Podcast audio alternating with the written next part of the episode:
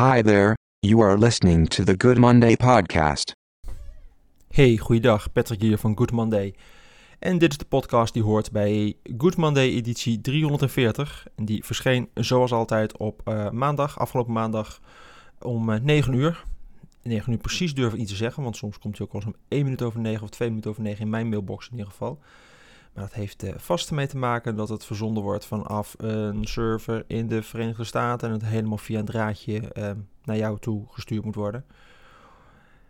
Ja, um, ik uh, ga even de editie door te scrollen en eens even te kijken waar ik het met je over wil hebben of wat ik nou, niet met je over wil hebben, want er is natuurlijk geen um, één op één contact. Ja, het is wel één op één contact, maar dat gaat maar één kant op.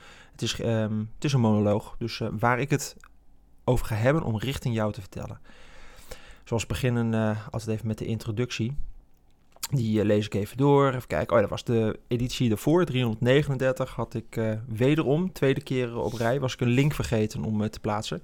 Die plaats ik hier even in gridstudio.cc. Dat was de, dat frame met een uit elkaar geschroefde iPhone of iPod of wat dan ook.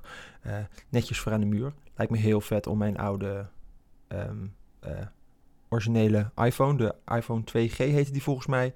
Om die uit elkaar te halen ooit. Want die doet het toch niet meer helemaal goed. En die uh, mooi voor aan de muur te hebben. Dat is toch een iconisch stuk uh, technologie namelijk.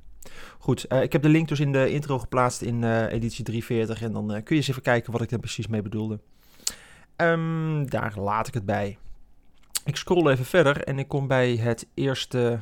Um, het eerste item uit wat ik heb geplaatst. En dat is zoals altijd het item wat ik uh, in ieder geval vind dat je sowieso gelezen moet hebben. Dat gaat over datavisualisatie. Het is een, um, een collectie van uh, datavisualisaties. En allemaal wel gericht op de afgelopen jaar. Dus heel veel uh, COVID-19, corona-gerelateerde data.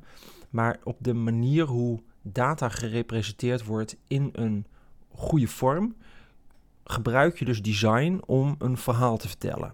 Je kunt er, uh, naast dat het heel mooi is, je gebruikt dus data, of nee, je gebruikt dus design om de data, die vaak uh, uit alleen maar cijfers en lijsten vol met informatie bestaat, om dat toegankelijk te maken. Dus daarom zie ik het ook wel een beetje als de ultieme combinatie van feiten en design. Echt heel fijn. En mijn eigen map-art project, wat ik jaren geleden al een keer startte met um, random kleuren van gebouwen, van steden. Daar ben ik nu ook een tweede slag in aan het maken, na jaren. Uh, ik heb met, uiteindelijk uh, heb, ik, heb ik uitgevogeld hoe dat precies moet met de data die beschikbaar is. Dat je de, de, de, de bouw, bouwjaren van de gebouwen gebruikt als input voor de kleuren. Dus ik heb nu de eerste versie uh, die gemaakt is en ook al besteld is trouwens door iemand. Dus binnenkort uh, komt hij bij iemand aan de, aan de muur te hangen. Zie je um, de lichte kleuren zijn de gebouwen die het oud zijn. Dus het centrum is helemaal wit. En hoe verder je naar buiten gaat, en ook in het centrum natuurlijk ook de nieuwe gebouwen. Hoe verder je naar buiten gaat, uh, vooral de, de bouwjaren dus oplopen, wordt de kleur donkerder. Dus je krijgt een gradatie of een verloop van kleuren erin waardoor het effect vergelijkbaar is met de originele map art, maar dat er nu een verhaal echt aan vast zit. Naast dat het heel tof is om nog steeds naar te kijken, heeft het nu een dieper verhaal.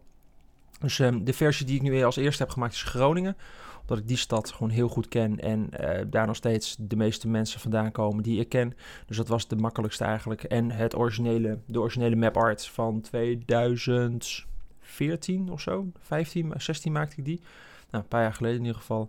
Was ook Groningen, dus leek me dat een hele goede om uh, Groningen er ook voor te gaan gebruiken. Goed, datavisualisatie dus. De ultieme combinatie van feiten en design.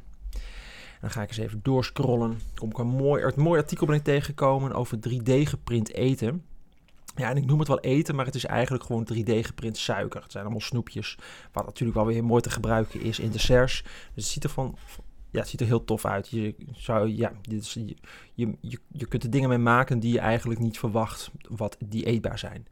Het is een hele nieuwe, ja, of een trend is durf ik niet te zeggen, maar het is in ieder geval een mooie manier om uh, uh, techniek te gebruiken in, um, in eten. En het ziet er gewoon waanzinnig uit. Eigenlijk zonde om op te eten. Hoewel ouderwets gemaakte snoep ook wel heel vet is. Uh, er is een restaurant hier in Zwolle waar ik graag kom kwam, kom, hopelijk binnenkort weer. Het Weeshuis heet dat. En daar hebben ze snoepjes waar het logo van hun in is uh, verwerkt. En dat wordt gemaakt door nou, uh, suiker, gesmolten suiker. Maken ze een hele grote, dikke stam van. En dan uh, op groot formaat, ik denk dat die zo'n 10, 15 centimeter in, in, in, in doorsnede is. Gaan ze dat logo gaan ze erin leggen met gekleurd suikerkaramel. En dan vervolgens rekken ze dat heel erg uit. Waardoor de snoepjes, of de, de diameter kleiner wordt. Maar wat ze erin hebben gemaakt van de verschillende kleuren nog steeds zichtbaar is. Nou, dan rek je dat uit. Dan wordt dat, koelt dat af en dan kun je dat zo afchoppen. En dan hou je dus kleine snoepjes over. Dat is trouwens wel een leuke om daar volgende editie even een stukje aan te wijden. Een item. Het is echt heel, heel erg leuk proces om te zien. Ja, goed. Nou, dan komt nog een, uh, nog een verzameling met heel veel mooie websites uh, ben ik tegengekomen. Die ga ik verder niet behandelen, moet je gewoon even doorheen klikken. Dan de huisstijl van de Burger King. Oeh, die ziet er smakelijk uit, zeg. Dat is uh, helemaal terug naar de jaren 60. Uh, ik heb het idee zelfs dat het het originele Burger King logo is. Aangepast aan de, moderne te, aan de iets modernere tijd. Maar de, de sfeer en, de, en, en het uiterlijk zit er zeker in van het oude, van het oude logo. En dit is zo anders dan alle andere um, fastfoodketens het doen. Die blijven allemaal, of ja, die, zijn, die zitten allemaal in, qua design in 2021. En deze gaat dus helemaal terug naar de origine. En uh, zet daar een zeer smakelijke huisstijl mee, uh, mee, mee neer. Erg lekker. Hoewel, als ik in op andere plekken ben op de aarde waar ze meer van dit soort dingen hebben, dan ga ik toch liever naar de Wendy's. Ziet er minder goed uit, maar de hamburgers zijn zoveel lekkerder. Dat is uh, richting de smaak die je thuis ook maakt voor een goede hamburger. Goed. Uh, wel een goede, goede URL trouwens. bk.com. Burgerking.com. Uh, .nl is trouwens nog gewoon in de oude westerstijl. Het is wel leuk om even naast elkaar open te, open te klikken. bk.com en uh, bk.nl of burgerking.nl. Als die naast elkaar zet, zie je dus wat het was en wat het is. Wat het vroeger dus ook was. Goed. Eens even kijken wat we verder nog tegenkomen. Oh, ik ben al bijna het einde. Ik ben wat dingetjes overgeslagen. Het laatste wat ik er even uit wil uh, vissen, dat gaat over vlaggen. En dat is een, uh, wat, wat gelinkt is, is gelijk een pdf. Dus schrik niet als er niks, niks opent. Dat is van de Northern American Vexillological Association. Oké, dat is dus de naam voor uh, vlaggengekte, de NAVA. En zij hebben een PDF-boekje. Je kunt hem ook printen en dan heb je echt gewoon een boekje. Want er zit namelijk echt een voorkant en een achterkant met een colofon. En, en misschien zelfs wel een soort internationale ISBN-nummer. Dus het is een boekje. En daarin laten zij zien wat goede vlaggen en slechte vlaggen zijn. Doe me denken ook trouwens aan een video slash podcast van 99% Invisible. En Daarin zit Roman Mars, de presentator ervan, zit op een podium en vertelt live aan een publiek, terwijl hij die podcast aan het opnemen is, over uh, vlagontwerpen. En dat is zo'n interessant onderwerp. Eigenlijk net zoals datavisualisatie is de perfecte link tussen design en, en, en data. Of uh, informatie en design. Um, zijn vlaggen het ultieme brand voor, of een branduiting voor, voor een land, voor een, voor een stad, voor een gemeente.